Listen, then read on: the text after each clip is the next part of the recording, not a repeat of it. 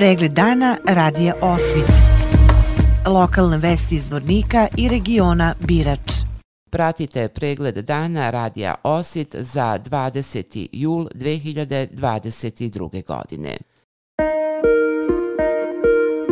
U Bratuncu je obilježeno 30 godina od ubistva osam mještana sela Magašići, od kojih šest žena, a među njima i jedna trudnica. Prema svjedočenju očevidaca, komšije muslimani iz Glogove i Blječeve, 20. jula 1992. godine su u Magašićima kod Bratunca počinile jedan od najgnusnijih zločina. Ubijali su civile koji su tog dana radili na njivama, a selo su zapalili. Iz organizacije porodica poginulih iz zarobljenih boraca i nestalih civila opštine Bratunac istakli su da je tužilaštvo BiH 2019. godine obustavilo istragu o predmetu Magišići zbog, kako je navedeno, nedostatka dokaza.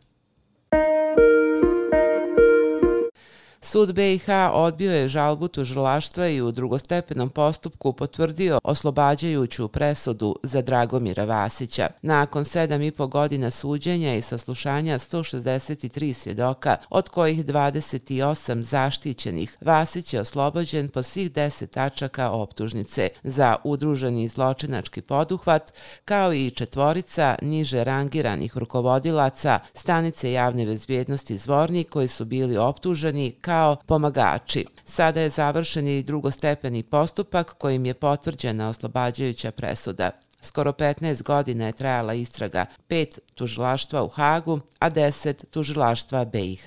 Pored Vasića, oslobođeni su Miodrag Josipović, Branimir Tešić, Danilo Zoljić i Radomir Pantić.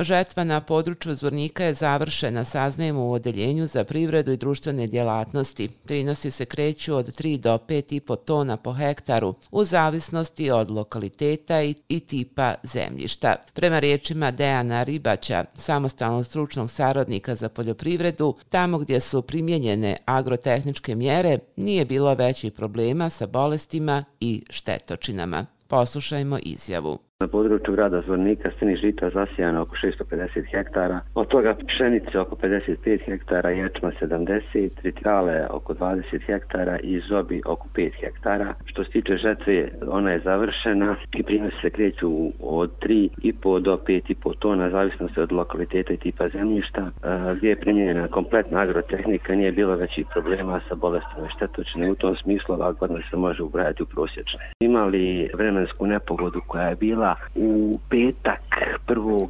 jula kad su veliko već kombajni bili na terenu. Došlo je do značajnog smanjenja prinosa na području Pađina, Trnovice, takozvanog tog Trnovičkog polja, Ročevića. Tu je došlo do malo dobijanja klasa kod pšenice ječma i umanjenje prinosa do 30 do 50%. Što se tiče otkupnih cijena, one su prema nekim informacijama koje imamo iz Mlinova, kreće se od 60 do 62 feninga za kilogram ječma, dok za pšenicu ja mislim da još uvijek nisu o, otkupne cijene formirane. Oni koji imaju gdje da skladište, oni u razgovoru s njima sam čuo da oni vrše skladištenje, međutim mali broj je takvih poljoprivrednika koji imaju gdje da sklone. Provod uglavnom predaju mlinovima,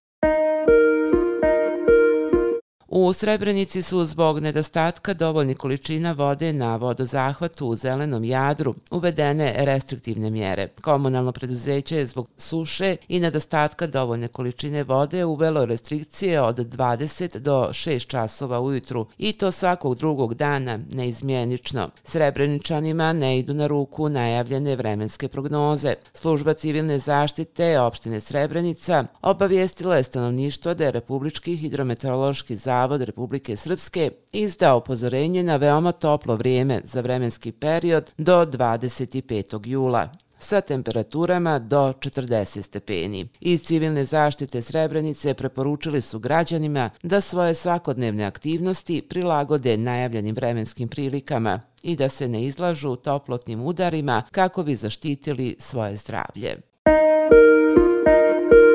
Pregled dana radija Osvit lokalne vesti iz Vornika i regiona Birač.